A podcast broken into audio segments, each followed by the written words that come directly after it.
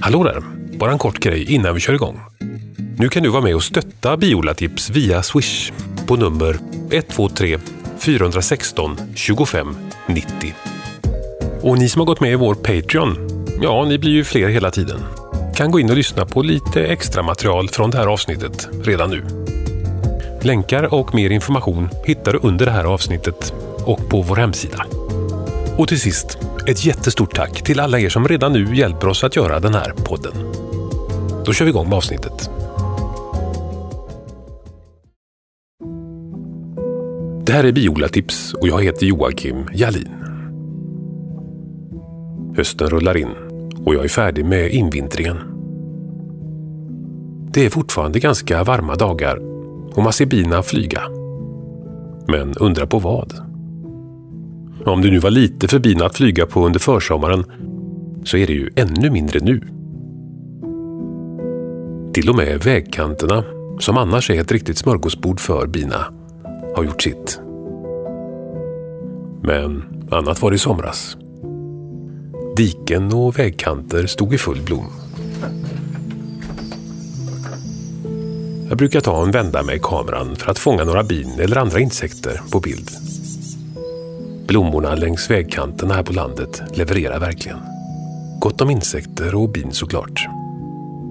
Kilometer efter kilometer med dikesväxter. Sorter man knappt känner igen. För att inte tala om alla insekter som jag bara sett just här, i vägkanten. Och nu förstår jag var alla bin håller till. De är ju här. När jag tittar ut någon dag senare så ser jag att hela vägkanten är klippt. Helt snaggad. Mm.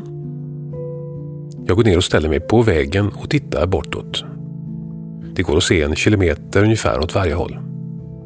Och ser då att vägen är klippt hela vägen bort. På bägge sidor. Och inte ett enda bi syns till. Var det verkligen nödvändigt av Vägverket att klippa allting just nu, tänker jag. Draget var verkligen på topp.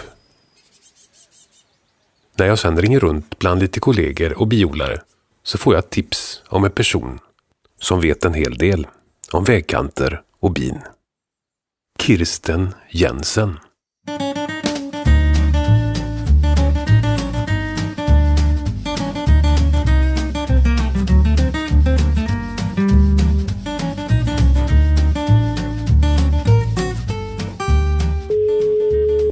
Kirsten Jensen. Hejsan Kirsten, var Joakim Jalin. Hej! Kirsten Jensen är rådgivare för yrkesmässig frukt, bär och trädgårdsodling på Länsstyrelsen i Västra Götaland. Jag jobbar på Länsstyrelsen. Jag är i Västra Götaland. Egentligen jobbar jag med frukt och bärodling. Mm. Men där behövs ju bin för pollinering och ska en biodlare sätta ut kuber så är det ju inte så trevligt att behöva flytta dem.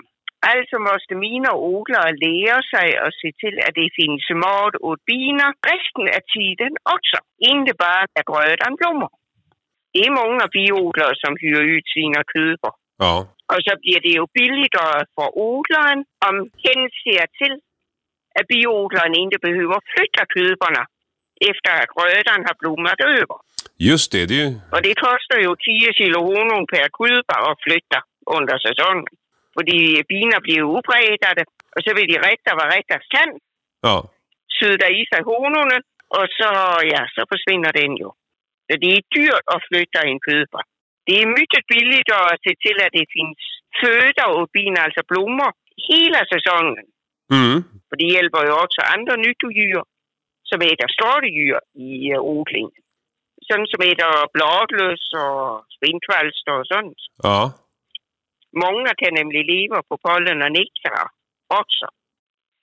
Eller måste göra det som vuxna och så är det de eh, larverna som äter skadedjur. Ja, Kirsten börjar med att berätta om hur viktigt det är att se till att det finns blommor och nektar hela säsongen. För bina, men också insekters olika stadier. För att flytta en bikupa efter maten är väldigt kostsamt om man ser till mängden honung. Så det som är bra för bina är bra för odlaren också. Och så har jag ju därför jobbat väldigt mycket med øh, biväxter. De yrkesodlare som Kirsten är rådgivare åt odlar en mängd olika saker. Jag har allt från øh, jordgubbar øh, till fruktträd, hallon, vinbär, havtorn. Det är förstås inte så det är jättenödvändigt med bin. Det är inte humle heller. Rabarber, där ska ju egentligen inte bli så mycket blommor. Och det, de ska inte pollineras heller. Men äh, alla frukt och bär med undantag av havtorn behöver bin. Och de mesta fruktträd och de, de är ganska tidiga på säsongen då egentligen. De är väldigt tidigt på säsongen, ja. Det är väl bara hallon, hösthallon som blommar och lite senare björnbär också, men det har vi inte så mycket av. Men det mesta det blommar ju på våren. Men, och då har du liksom blivit lite eh, intresserad av att förlänga säsongen för bina. Ja, och så till de står kvar och så blir det billigt att hyra in dem. Just det. Och så är det ju alla de andra nyttodjur som också behöver någon mat. Jag frågar Kirsten hur många bisamhällen det egentligen går åt för att pollinera en odling. Men generellt sett så är det väl en två till fem kuber per hektar. Men är det en stor eller en odling med väl uppväxta fruktträd eller på den del bärbuster så kan det behövas upp till 10 per hektar för att få fullgod pollinering. Om det är varmt när det blommar, för så blommar det över snabbare. Ja, lite beroende på vad det är för odling så kan det behövas ända upp till 10 bisamhällen för att kunna pollinera en hektar odling. Ja, just det. var intressant att höra det förhållandet. Det, det är ju mycket mer eh, bikuper än man tror faktiskt för att få en fullgod Ja. pollinering där då. Just det. Mm. Och så de ju helst förstås med mat resten av säsongen också. Hur kan man då gå tillväga för att eh, lyckas förlänga säsongen för bina? Mm. I de flesta av de lite högre grödor, alltså från bärbuskar upp till fruktträd, så har man gräs emellan raderna Mm. för att man behöver något att köra på med traktorn. Och det gräset, om det bara är gräs, stjäl vatten och näring inifrån buskarna och träden i raden. Mm. Så därför vill vi ha baljväxter in. Vitklöver, om det är lättjord, käringtand och eventuellt också humlelusern. Kirsten berättar att vid frukt och bärodlingar så har man ofta en väg där man kan köra traktorn emellan buskarna och träden. När den är gräsbeklädd så stjäl den näring och vatten från själva odlingen. Så då kan det vara bra att blanda in en hel del baljväxter som också kan vara intressant för bina. Och så eh, måste man ju klippa gräset, eller gångarna då och då. Ja. Och istället för att klippa allt på en gång så klipper man varannan gång. ja. Så väntar man på att det växer upp och börjar blomma om. ja, Och så klipper man de andra. just det.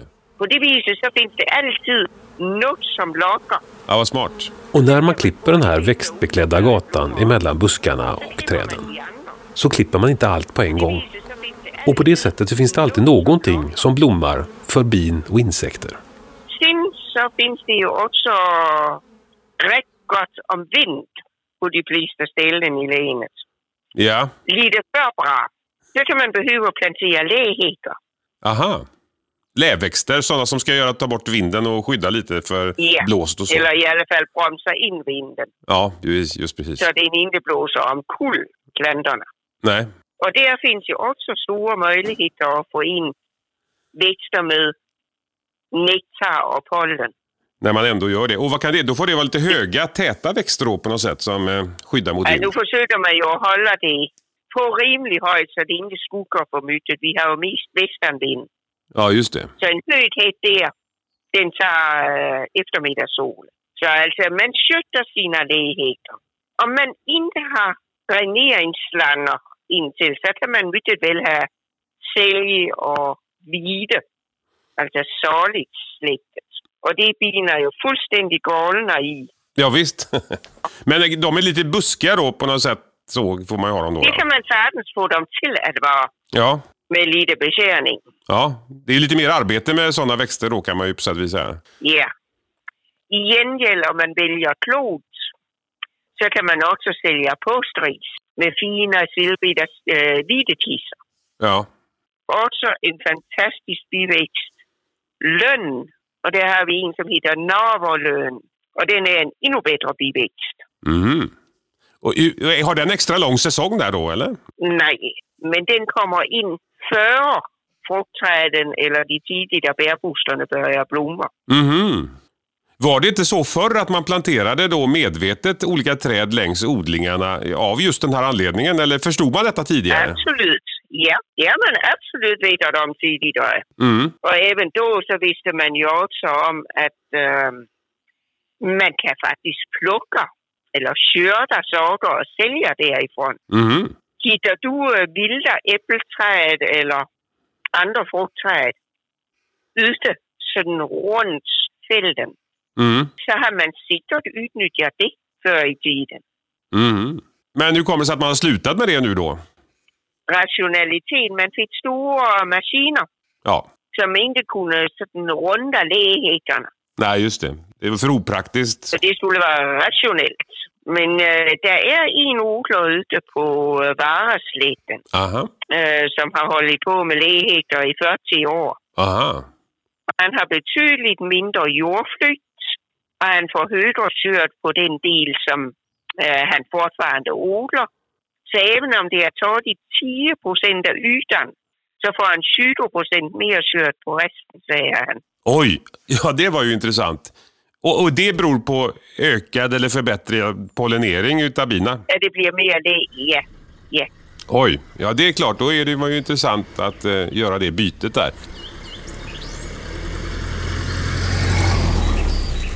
Mm, jag vet inte om du har åkt igenom Halland på våren. Så har du sett de där stora dammolnen som blåser till Småland. Mm. Det är den goda mulljorden från Halland som de exporterar utan ens att få betalt. Den blåser iväg ja. Där kunde man verkligen ha behov av. Aha, det binder också då jorden, den, eh, just det. Ja. Där i Varaslätten har jag också åkt väldigt mycket också. Då ser man ju där att de faktiskt har breda rännor med, ibland så är det blåklint. Eh, Riktigt ordentliga omgångar ut, runt omkring åkrarna nästan som inringade utav olika växter. Men blåklint är det jag tänkt på i första hand som jag åkt förbi. Är det det här tänket då? ja, precis. Och i lähäckarna så har man ju inte bara träd och buskar. Så kan man mycket väl ha örter och perenner i så att säga fickorna mellan äh, buskarna. Ja. Man börjar ju regel med låderbuskar, höderbuskar och så träd i mitten. Mhm. Tanken är inte att stoppa vinden. Den ska filtreras och lyftas så det mesta går förbi. Aha, så att den vinden ska gå ovanför växterna hellre. Eller i alla fall minsta i hastighet. Och det räcker då för om man har bin som är pollinerare i såna här större odlingar. Mm, de trivs ju också bäst när det inte blåser halvt orkan.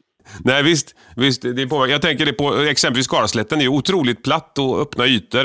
Det är väldigt blåsigt. Ja, Min odlare där ute eh, hade jordflytt två gånger när hans granne hade fem. oj. Vad, vad jordflytt, kallas det det? Jordflytt, inte jordflytt, jordflyk Jaha, med K. ja, flykt, jordflykt. Det är ett stort problem där man har relativt lätt jord Mm. och det blåser mycket. Det var en intressant aspekt som man aldrig har tänkt på faktiskt.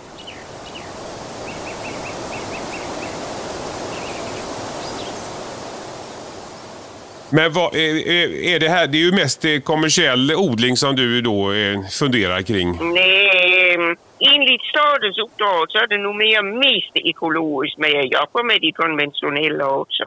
Ja, Och där gäller det ju så att göra begripligt att de måste vara måna om insekterna och det är de allra, allra flesta. Det är ju inte billigt att bekämpa nej. och man bekämpar sig ofta till extra problem, bara andra problem. Så de vill ju inte spruta i onödan. Så den tid, där man sprutar det enligt ett schema, den är sin länge förbi. Där går man ut och kollar om man har behov innan man sprutar. Jaha, du, du menar att det görs rutinmässigt så besprutar man i onödan och eh, bara... Det gjorde man tidigare, Ja, men det är förbi. ja, Det är det ingen som gör längre. nej, vad bra. Och det är ju väldigt många konventionella som först och främst väljer ekologiska medel. Och ekologiska metoder, är de snällare mot insekterna då? De allra flesta, ja. Mm. Och de øh, få medel, som faktiskt är tuffa, det försöker de att undvika mest möjligt.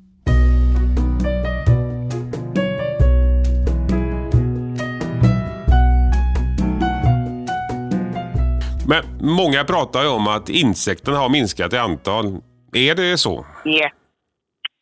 Nu jobbar jag ju med det man kallar trädgårdsodling, yrkesmässig trädgårdsodling. Ja. Så jag har inte så det är jättemycket kontroll på bönderna. Nej.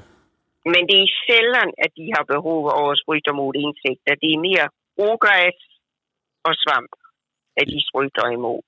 Men ogräset, det är ju maten för insekterna. Mm. Aha. Men det är också många som har det man kallar äh, sprutfria kantzoner.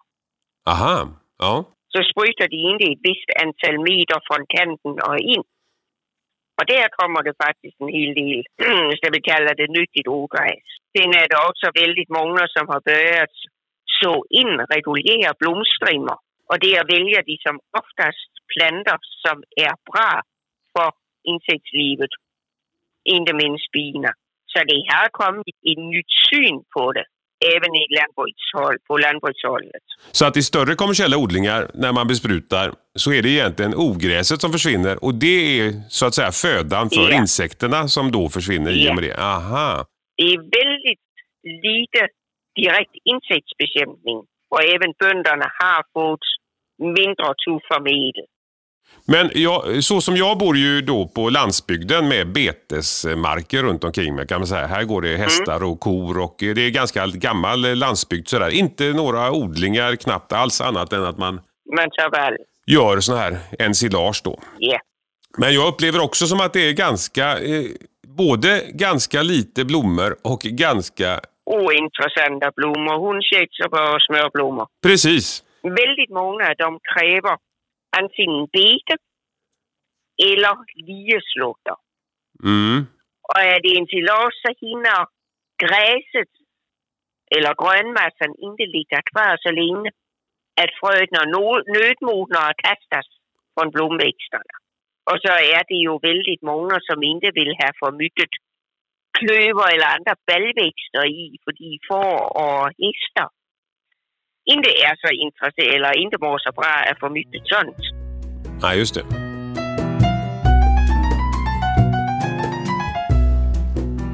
Men då såna här vita bollar, ensilage. Mm. Hur kan de påverka miljön för insekter? Ja, det är ju vad du har på din vall. Men äh, ensilage, där hinner fröna sällan kastas. Är det så torkar det helt. Så nödmognar fröna och kastas ut. Ja, Men som man gör ensilage så samlar man ju inte mycket snabbare. Alltså innan det är helt torrt. precis. Det ligger det kanske några få dagar. Och så blir det lindrat in i plast och mjölksyrelösning. Så att i förlängningen så är inte det speciellt bra kanske egentligen för... Nej, det är det inte. För de, de blommor som finns, de hinner inte kasta sina frön. Nej.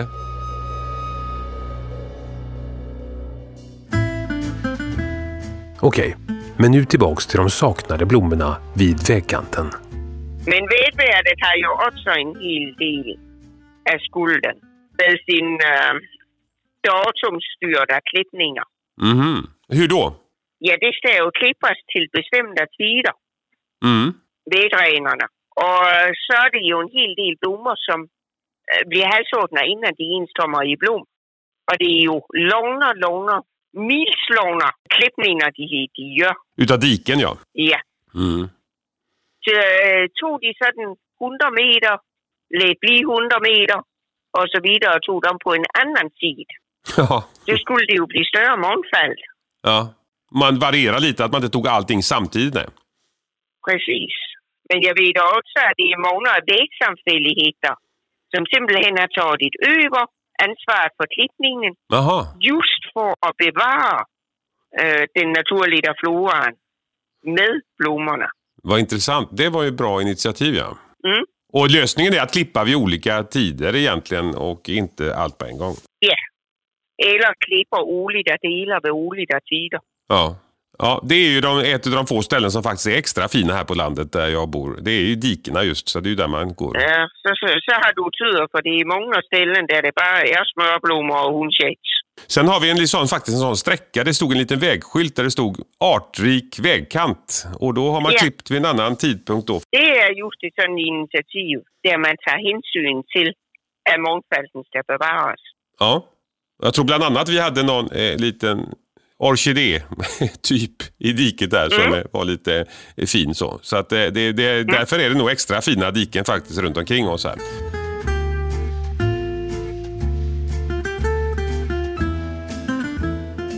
Vad kan man som en mindre biodlare göra själv skulle du säga? Hur liten är en mindre biodlare? 8-10 kuper Mm. Och det har du hemma på, i trädgården. i trädgården, i en villaträdgård. Jajamensan. Ett, ha inte bara en gräsmatta, ha en blommande gräsmatta. Klippa inte allt på en gång. Det gör jag ju också. Jag låter ju till exempel maskrosorna komma då varje år och sen så låter jag klövern också växa egentligen Ja. fritt ett tag där. Det låter bra, men det är väldigt många som inte vågar ha blommor i gräsmattan. Nej, just det. Man tror att det är, man kallar det. Och så ser grannarna snett på dem. Det är så många fina klipptåliga växter som kan växa i en gräsmatta. Finns det något annat som kommer efter klövern där egentligen? Veronica till exempel. Vi har gåsört. Vi har rödmyra, rödnarv. Vi har brudnört. Den är bina väldigt förtjusta i. Aha. Och den kan också komma av sig själv om man låter gräsmattan växa menar du? Brunört? Det bästa är ju om man kan få tag på lite gräsklipp från en trädgård där den redan finns. Aha. Ja, vad smart. Lite gräsklipp, sånt som, är lite, som man strör över sen då. Mm. Och så kan man faktiskt både ha krokus och snödroppar och stilla i gräsmattan. Ja, visst. Det är också väldigt bra biväxter. Om vi nu går tillbaka till äh, tidig vår. För att mellan varje sånt här drag då med maskros och om man nu skulle ha krokusar och sen kanske maskros och klöver så behöver man ändå klippa emellan då för att det ska... Ja, nej, alltså du måste ju klippa den. Ja. Men du behöver inte klippa hela gräsmattan. Nej, nej. Du kan klippa den i strimmer eller små öar och så vänta på att det blommar om innan du tar nästa bit. Det går ganska snabbt. Jo, förresten, den måste vi ju nämna. Äh, liten blåklocka, Sveriges nationalblomma. Den trivs fint i gräsmattor som inte klipps jätteofta. Blåklocka ser man ju inte så mycket annars nämligen så att eh, den är väldigt fin. Ja.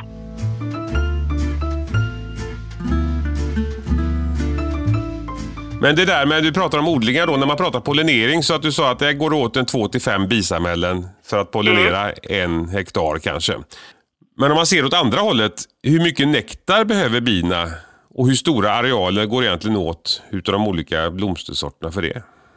Vi vet ju i alla fall att en hektar vitklöver för fröodling, alltså en som blommar en gång, Mm.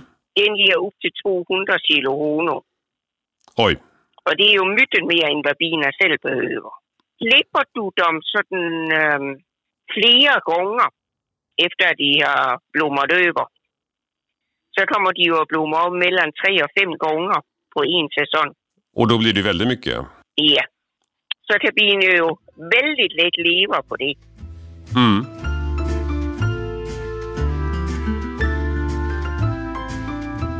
Vi har en sån eh, diskussion här som alltid uppkommer och det är det att, att oavsett hur många kuper man har på en plats så verkar det bli ungefär lika mycket honung om man har tre kuper eller tio kuper. Nej, men det är ju just brist på nektar. Ja, Och de har ju gjort ganska mycket försök i Tyskland. aha. Och är det tillräckligt med blommor så får du mer i alla kuporna också. Och de kom till ett ännu mer intressant resultat för de räknade också vildbin och humlor. Mhm. Var det ett överskott på blommor så kunde du stort sett ha hur mycket bikuper som helst utan att antalet vildbin och humlor gick ner. Så det har alltså tillgången till blommor påverkar även vildbin och humlor. Ja. Så att, annars skulle man ju tänka sig att bisamhällen, eh, alltså tambin, skulle slå ut humlor och Ja. vildbin då. Och det finns det också ett, en rejäl risk för om det är i ett modert område. Det är ju därför att äh, Naturvårdsverket vill förbjuda utsättning av bikuper i naturreservat. Aha, för att det skulle slå ut då. Men ser man till att det är tillräckligt för alla så har de alltså kommit fram till i Tyskland att äh, så påverkar det inte negativt. Det var ju en intressant diskussion. Man, det ju, när man pratar om att eh, tambin skulle slå ut just andra bisorter och Mm. humlor och liknande så är det ju väldigt oklart vad anledningen är. Först och främst så är det en fråga om mängden mat. Ja, Men naturligtvis kan de också överföra till exempel varroakvalster till åtminstone en del solitära biarter. Aha, de kan också få varroakvalster. Ja, så blir det väldigt, väldigt tätt så finns det en, en risk för överförelse av sjukdomar och skadedjur. Mm. Men det är först och främst konkurrens om maten. Så i första hand verkar det röra sig om mängden mat som finns till alla insekter och bin. Finns det tillräckligt mycket blommor och nektarväxter så räcker det egentligen till alla och ingen utslagning behöver egentligen ske. Men varroakvalster, säger Kirsten, kan också överföras till solitärbin. Men tambin är väl egentligen på ett sätt onaturligt här från naturens Ja. synvinkel. så. Mm. Det de här nordiska bina Mm. som troligtvis är inhemska. Men Vi- de är ju å andra sidan inte speciellt trevliga. ja, vissa tycker ju att de är... Att De det är ganska äckliga av sig. Ja, de blir ju det om man eh, blandar dem tydligen. Mm. eh, så. Men att ha dem i kuber, det är ju definitivt onaturligt. Mm. Problemet är att hitta gamla träd där de kan leva naturligt. Och så har vi ju varroakvalstret också. Som Ja. inte var här tidigare. Nej. Undra om, låt säga att bina levde naturligt i, i, i den här miljön så kanske inte varroakvalstret faktiskt skulle ta över eller klara sig. Troligtvis skulle det det ändå. Aha, okej. Eftersom de är insläppt. Ja, nu är det etablerat då. Mm. Nej, gamla ihåliga träd finns det ju inte tillräckligt av för varken bin eller hackspettar heller. Så att, eh, Fåglarna, nej. nej. eh, frågan är alltså, gör man en god gärning genom att eh, hålla på med biodling eller inte? Generellt sett, ja. Mm. Om du sköter kvalstrarna, kvalsterbekämpningen. Men man får också ställa sig till att det finns blommor. Och där tror jag biodlarna kunde hjälpa till genom att till exempel sponsra frön åt bönderna. Ja, just det. Att man faktiskt uppmanar och ger bönderna frön som passar för ens egen biodling. Ja. Det är ju en bra idé. Jag ska köpa några säckar här och ge bort till... Och så vansinnigt mycket kostar det inte i frön jämfört med vad de får igen i honung. Nej, så kanske det kan vara, ja. Ja, en variant skulle alltså kunna vara att man själv som biodlare köper frön som man ber någon annan plantera. För att på det sättet skaffa mat till sina egna bin. Ja, och en hel del andra insekter också. Tack för detta, Kirsten. Du är väldigt välkommen. Ja, tack så mycket. Ha det bra då. Detsamma. Hej. Hej!